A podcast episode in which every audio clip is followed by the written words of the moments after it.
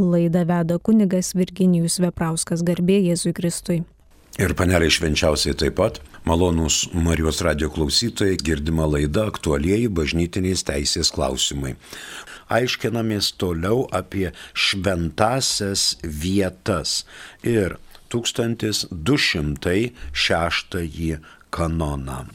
Paminėjom praeitoje laidoje pasiaiškinę, kad rytų apieigų Kanonuose atitikmens 1206 nėra, tačiau galima žvilgterėti į bažnyčios pašventinimo procedūrą. Todėl 1206 fiksuojame. Dedikuoti kokią nors vietą priklauso dieceziniam vyskupui ir tiems, kurie jam prilyginami pagal teisę. Jie gali patikėti pareigą atlikti dedikaciją savoje teritorijoje bet kuriam vyskupui. Arba išimties atvejui, atvejais kunigui. Tai 1206 pabaigėme, dabar, kaip minėjau, keletas klausimų liko iš praeitos laidos. Mes paprašysime, kad vieną klausimą pagarsintų. Bičiulis iš musulmoniško šalies turi tris žmonas vaikų, visus juos myli ir išlaiko. Nori priimti krikščionybę, pasikrikštyti lanko bažnyčią. Ar kanonai jam lieps palikti dvi žmonas, civilinė to šalies santuoka galiojanti viskas gerai? Ačiū šitą klausimą. Taip, žinoma, kad lieps bažnyčia jam palikti dvi žmonas ir pasilikti vieną bet kitos žmonos turėtų būti užganėdintos, kad būtų tam tikra satisfakcija, nes bažnyčia poligamijos nepripažįsta. Negali būti krikščionis, kuris oficialiai turėtų būti susituokęs su trim žmonom. Jis gali būti susituokęs su viena žmona kurią jisai renkasi. Paprasčiausiai tai pasilieka pirmąją, kitas dvi atleidžia, bet kaip minėjau, turi būti jos mm, gauti kažkokias kompensacijas ar panašiai, kad jos jį paliktų laisvą valią. Dabar musulmoniškoje šalyje yra savas vyskupas, sava parapija ir savas dalinės teisės kodeksų nurodymas. Todėl reikia žiūrėti, kokia tai yra musulmoniška šalis ir nemanau, kad civilizuota musulmoniška šalis leidžia poligamiją turėti, kai vyras turi dvi ar daugiau žmonų legaliai ir teisėtai. O jeigu žmogus nori tapti krikščioniu, jis lanko bažnyčią, praeina alfa kursą, praeina mm, krikščionišką indoktrinaciją, palanko kursus, susipažįsta su žinoma krikščionišku tikėjimu. Atskirais atvejais gali kilti jam net ir pavojus gyvybė, kadangi broliai musulmonai nelabai pakenčia, jeigu musulmonų tikėjimas yra iškeičiamas į krikščionybę. Maždaug e, per metus laiko Afrikoje palieka E, musulmonų bažnyčią arba islamą apie 6 milijonus žmonių. 6 milijonai musulmonų palieka savo tikėjimą Afrikoje. Kas met? Tai šitas klausimas. Dabar, kol mums ieško praeitos laidos klausimo, sako, kad nerado. Ar radote klausimą iš praeitos laidos? Ne, neradome neradote. Aš pabandysiu parafrazuoti, koks tai buvo klausimas, jeigu aš teisingai prisiminsiu. Jeigu mūsų klausytojas klauso, tai galėtų pakartoti klausimą. Apie tai, kad musulmonų rojuje sakoma, kad vyras turės 72 nekaltas, tyras ir skaiščias mergeles. Tai kuo krikščioniškas rojus skiriasi nuo musulmoniško rojaus? Va buvo toksai klausimas. Matot, visur yra simboliai.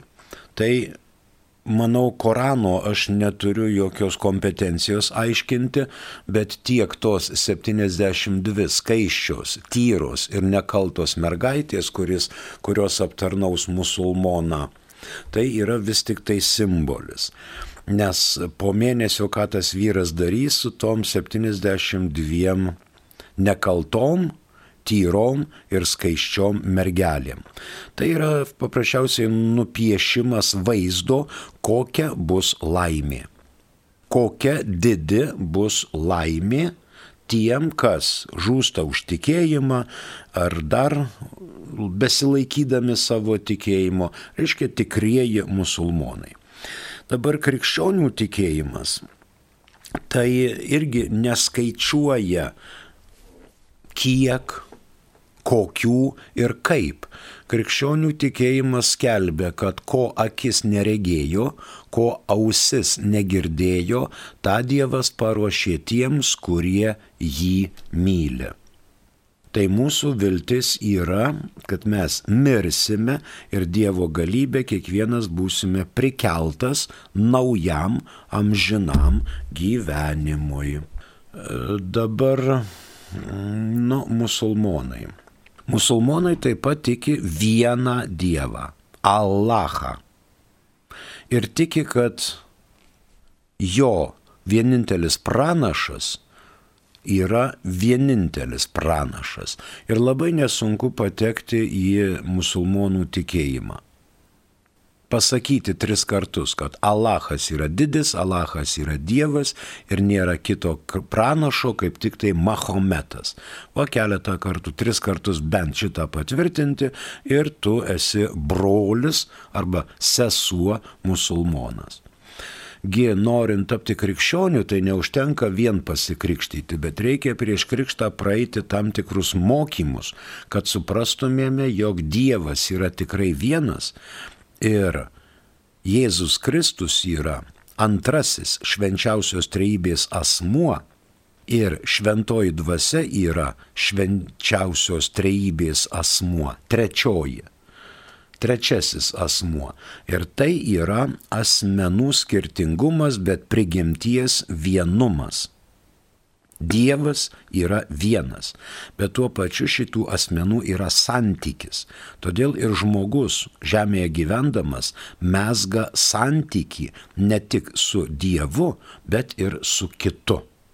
Mes aklai netikime ten tom 72 skaiščiom, tyrom, nekaltom mergelėm, kurios aptarnaus tikrai musulmoną po mirties. O jeigu tai moteris, tai kaip jai ten bus.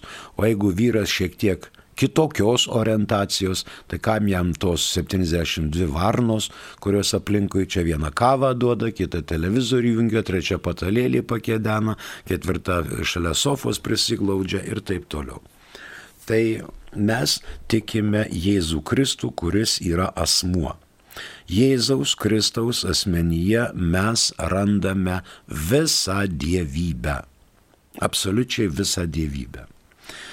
Šiandien yra, kaip žinia, didysis ketvirtadienis.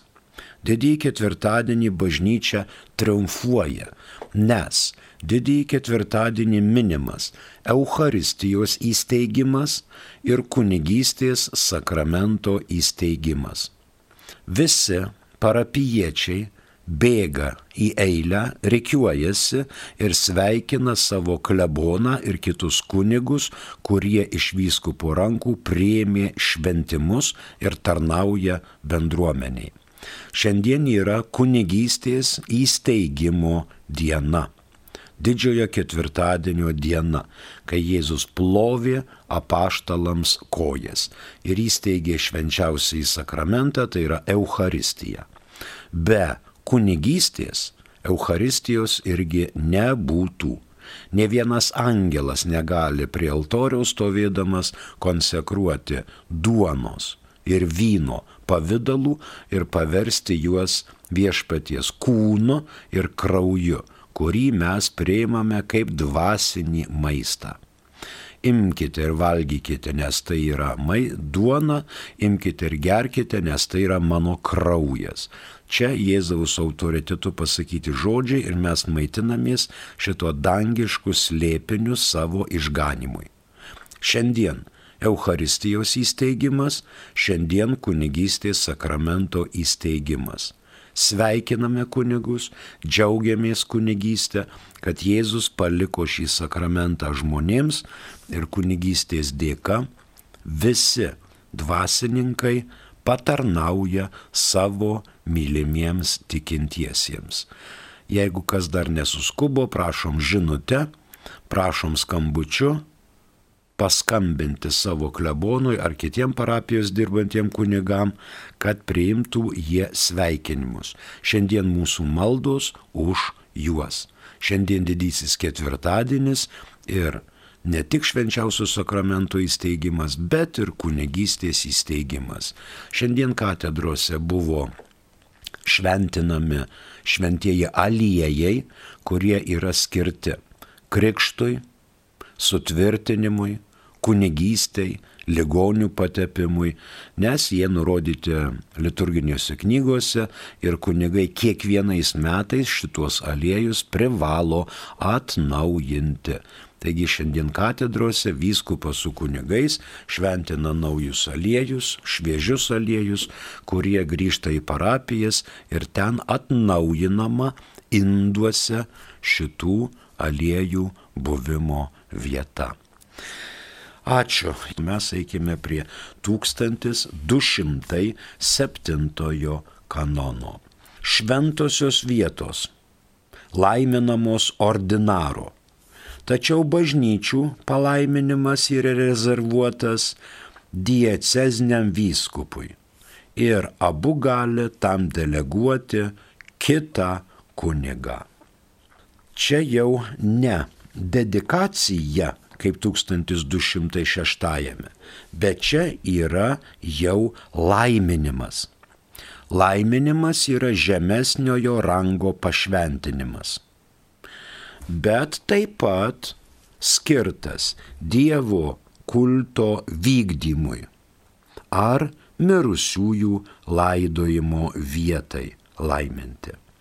Tai irgi pastovus vietos arba pastato išėmimas iš civilinės erdvės ir perdavimas arba perleidimas religiniai reikmei. Pagal liturginės normas turi būti šitas laiminimas atliekamas.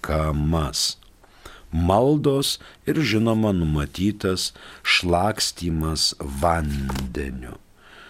1167. Vien tik apaštalų sostas gali įsteigti naujas ar autentiškai aiškinti esamas sakramentalijas, kai kurias iš jų panaikinti ar pakeisti. Antrasis - atliekant ar teikiant sakramentalijas turi būti tiksliai laikomasi bažnyčios valdžios patvirtintų apieigų ir formulių. Taigi ir šiuo atveju laiminimu negali bet kas daryti bet kaip. Tai laiminimas yra žemesnio rango pašventinimas dėl pastatų arba kapinių ir tai vykdoma pagal liturginės normas. Trys mintys prie 1207 kanono. Laiminimą vykdo vietos ordinaras. Reiškia, jis yra aukščiausia valdžia. Po to gali būti deleguotas vyskupas, generalinis vikaras ar vyskupo vikaras, asmeninis ordinaras, karinis ordinaras, popiežiaus teisių institutų vyresnieji savojoje teritorijoje ir pagal vyskupo delegavimą.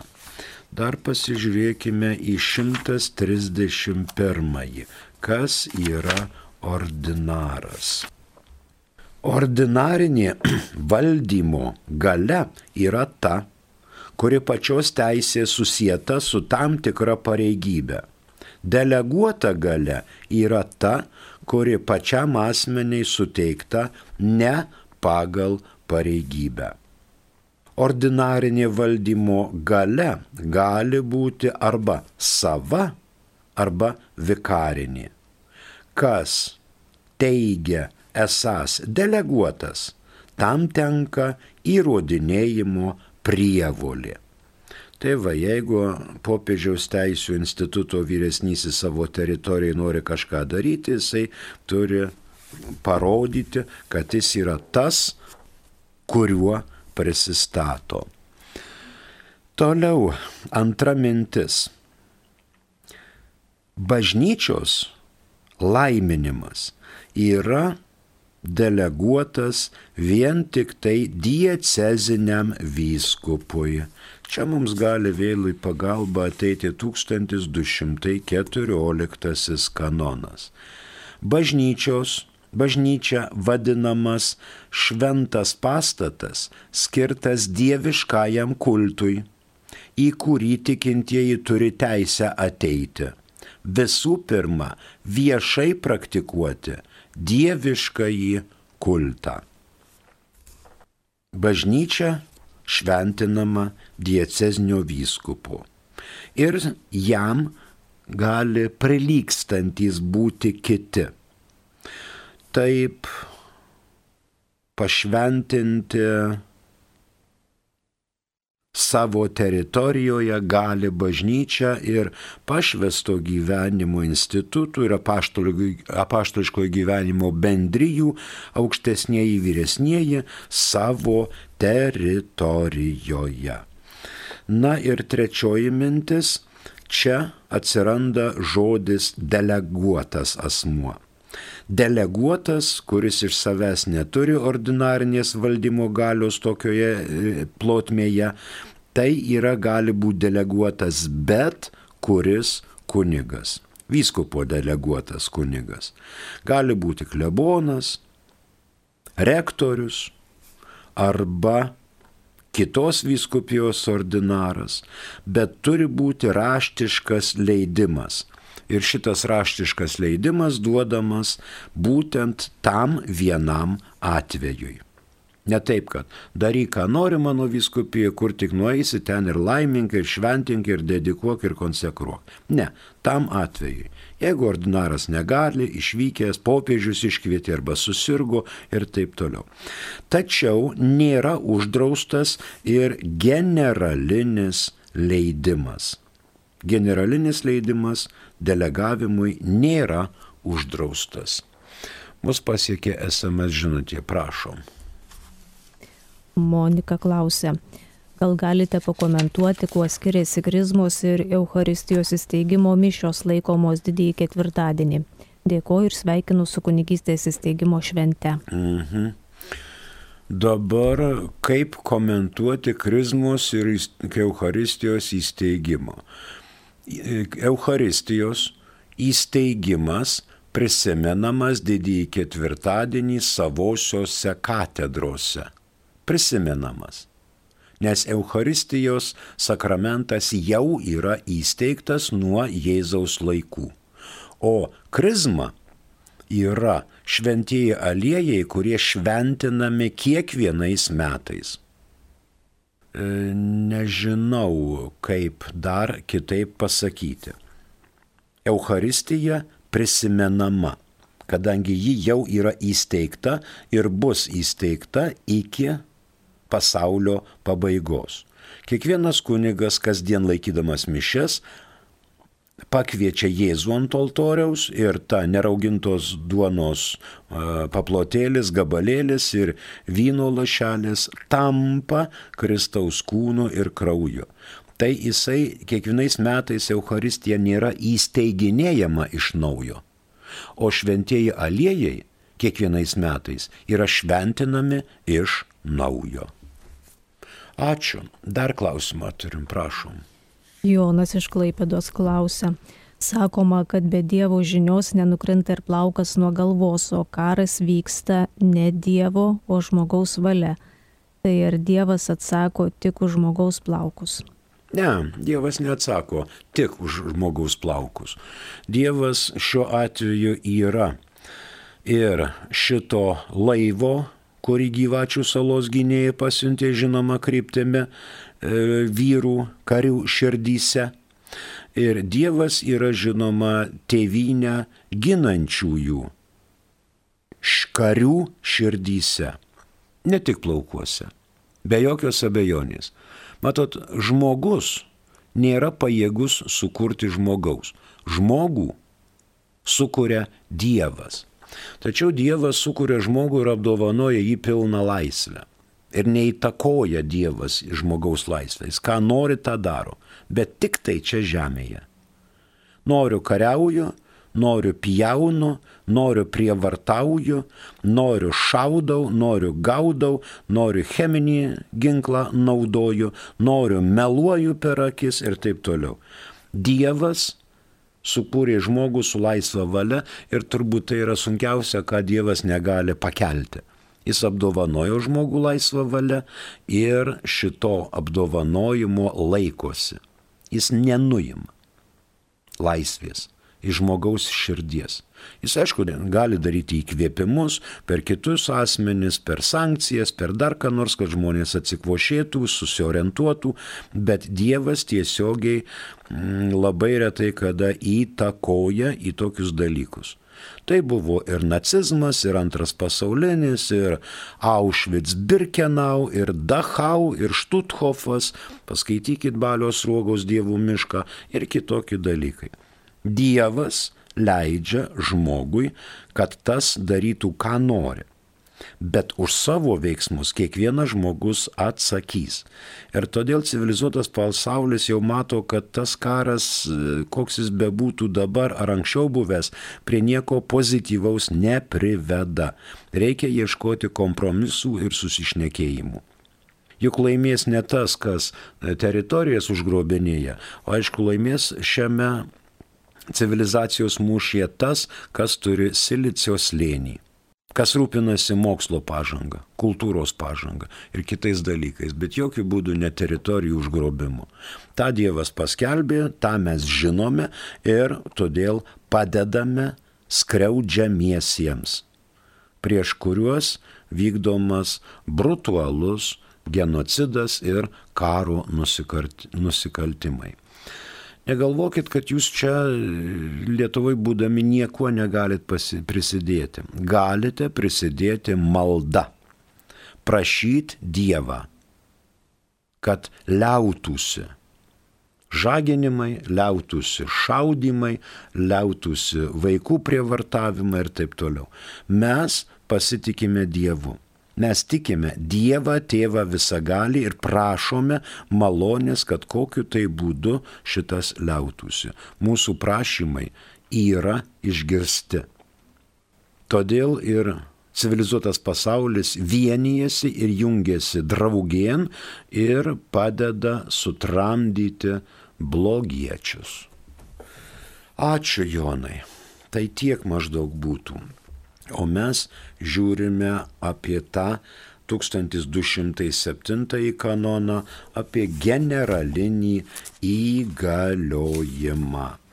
Mums ateina dar į pagalbą 134 kanonas apie ordinarą.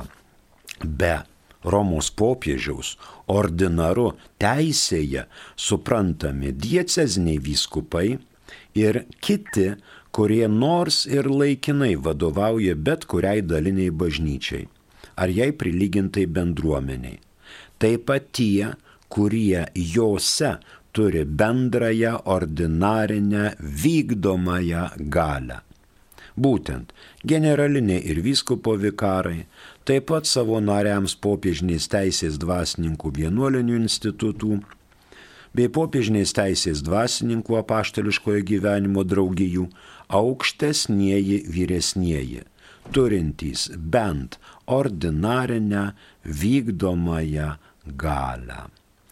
Dar vietos ordinaru suprantami visi aukščiau išvardintieji, išskyrus vienuolinių institutų ir apaštališkojo gyvenimo draugijų vyresniuosius. Toliau pagalba ateina 295 kanonas, kuris iliustruoja 1207.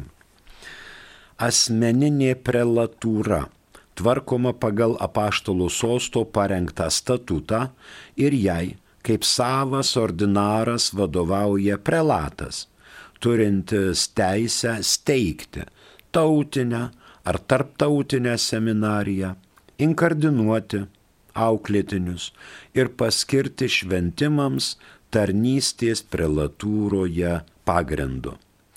Prelatas privalo pasirūpinti tiek dvasiniu ugdymu, tiek tinkamu išlaikymu tų, kuriuos paskyrė anksčiau minėtų pagrindu. Na ir 1217 kanonas.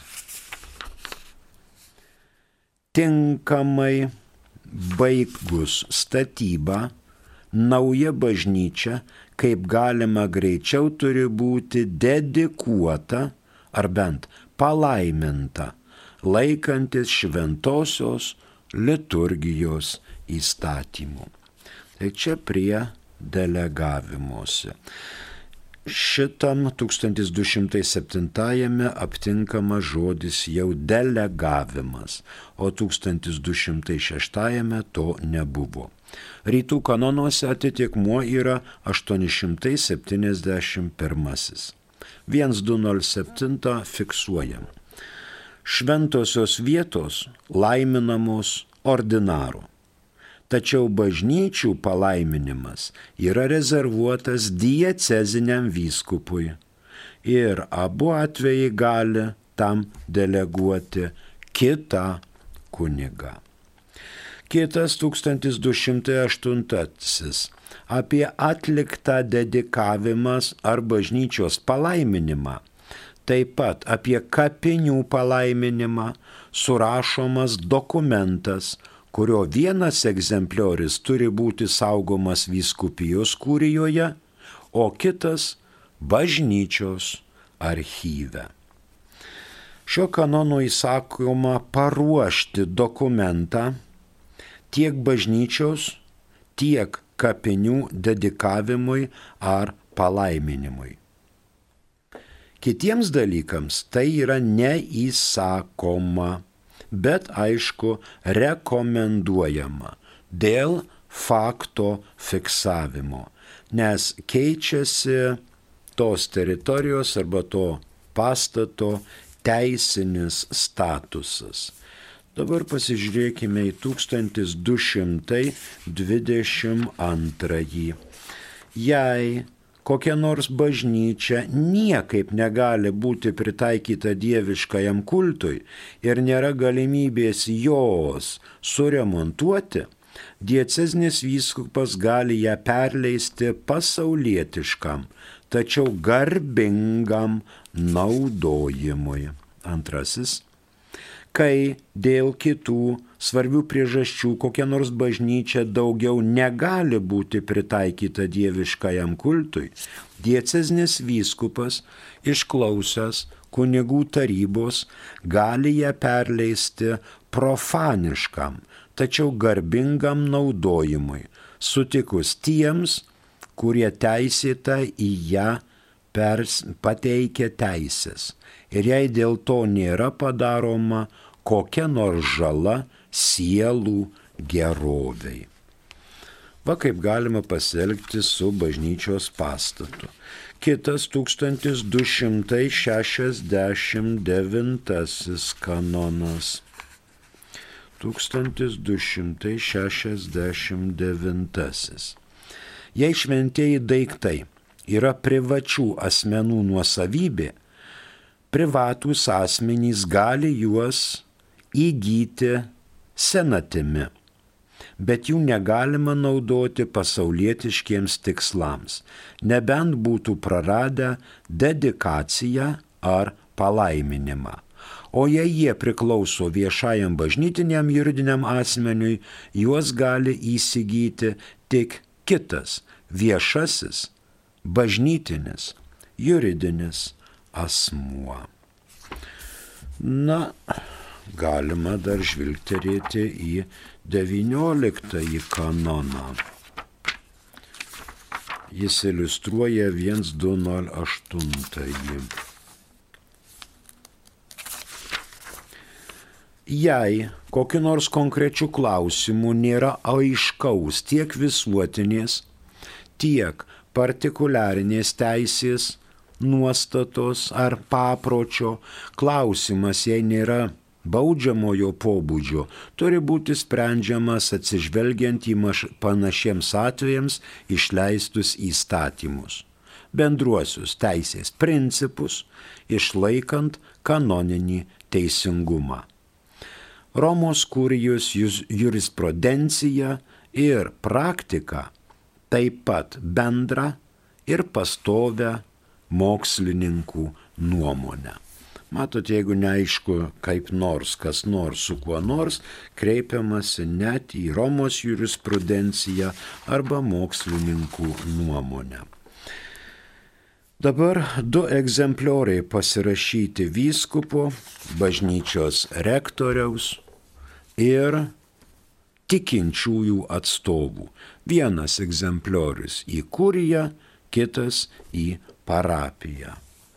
Pagal 1208.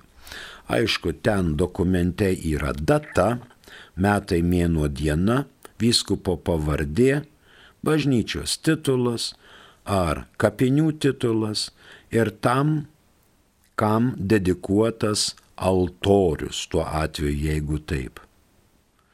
Kankinių vardai, jei yra, arba šventųjų vardai, jei yra ten įdėtos relikvijos. Vėl 1218. Kiekviena bažnyčia privalo turėti savo titulą, kuris po bažnyčios dedikavimo negali būti pakeistas. Ir 1237 antras. Laikantis liturginėse knygose nurodytų normų, turi būti išlaikyta senoji tradicija. Po nekilnojamojo altoriumi sudėti kankinių ar kitų šventųjų relikvijas. Reiškia, turi būti išlaikyta senoji tradicija. Tai dabar šitą dar nebaigėme mintį prie 1208 1209. Pabaigsim kitoje laidoje.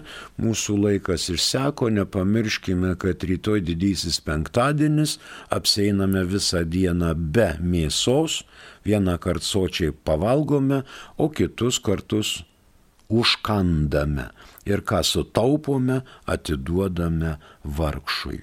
Ačiū už jūsų klausimus, dėkoju uždėmesį, prie mikrofono dirbo kunigas Virginijus Veprauskas, ačiū ir sudė.